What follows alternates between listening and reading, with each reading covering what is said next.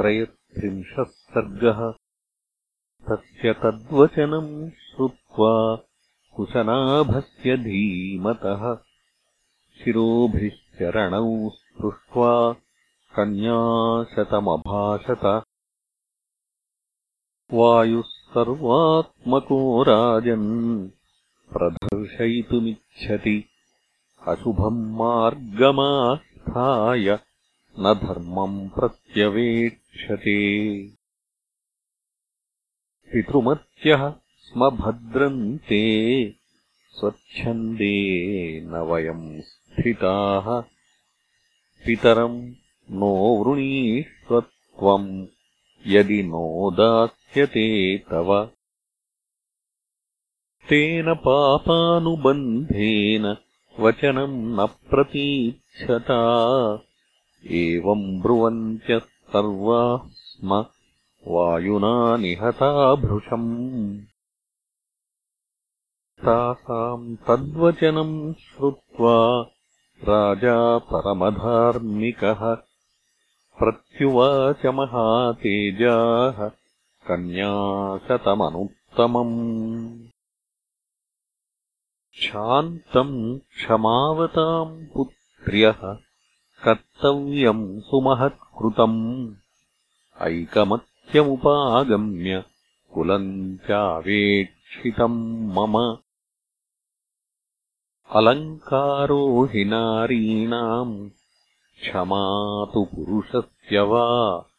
दुष्करम् तच्च यत् क्षान्तम् त्रिदशेषु विशेषतः।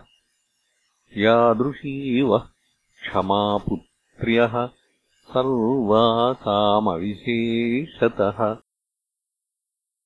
क्षमादानम् क्षमा यज्ञः क्षमा सत्यम् हि पुत्रिकाः। क्षमायशः क्षमा धर्मः क्षमयाविष्ठितम् जगत्।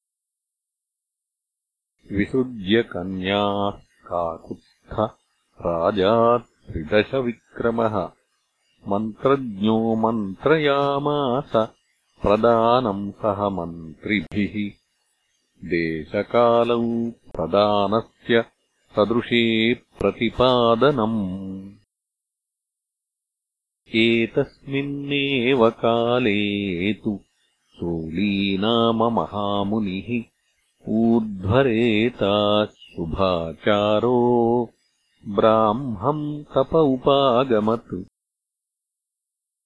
सप्यन्तम् तम् ऋषिम् तत्र गन्धर्वी पर्युपासते सोमदानामभद्रन्ते ऊर्मिळातनया तदा। सा च तम् प्रणता भूत्वा शुश्रूषणपरायणा। उवासकाले धर्मिष्ठा भवद्गुरुः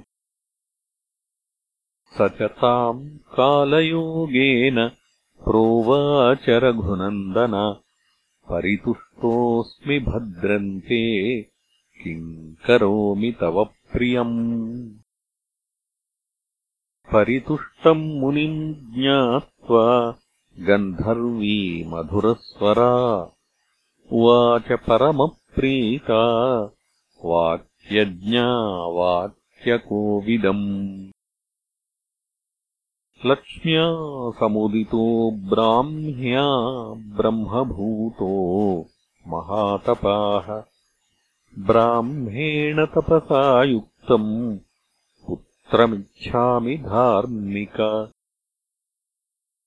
अपतिश्चास्मि भद्रन्ते भार्या चास्मि न कस्यचित्। ब्राह्मेणोपगतायाश्च दातुमर्हसि मे सुतम्। तस्याः प्रसन्नो ब्रह्मर्षिः ददौ पुत्रमनुत्तमम्। ब्रह्मदत्त इति ख्यातम् मानसम् चूलिनः सुतम्। स राजा सौमदेयस्तु पुरीमध्यावसत्तदा काम्पिल्याम् परया लक्ष्म्या। देवराजो यथा दिवम्।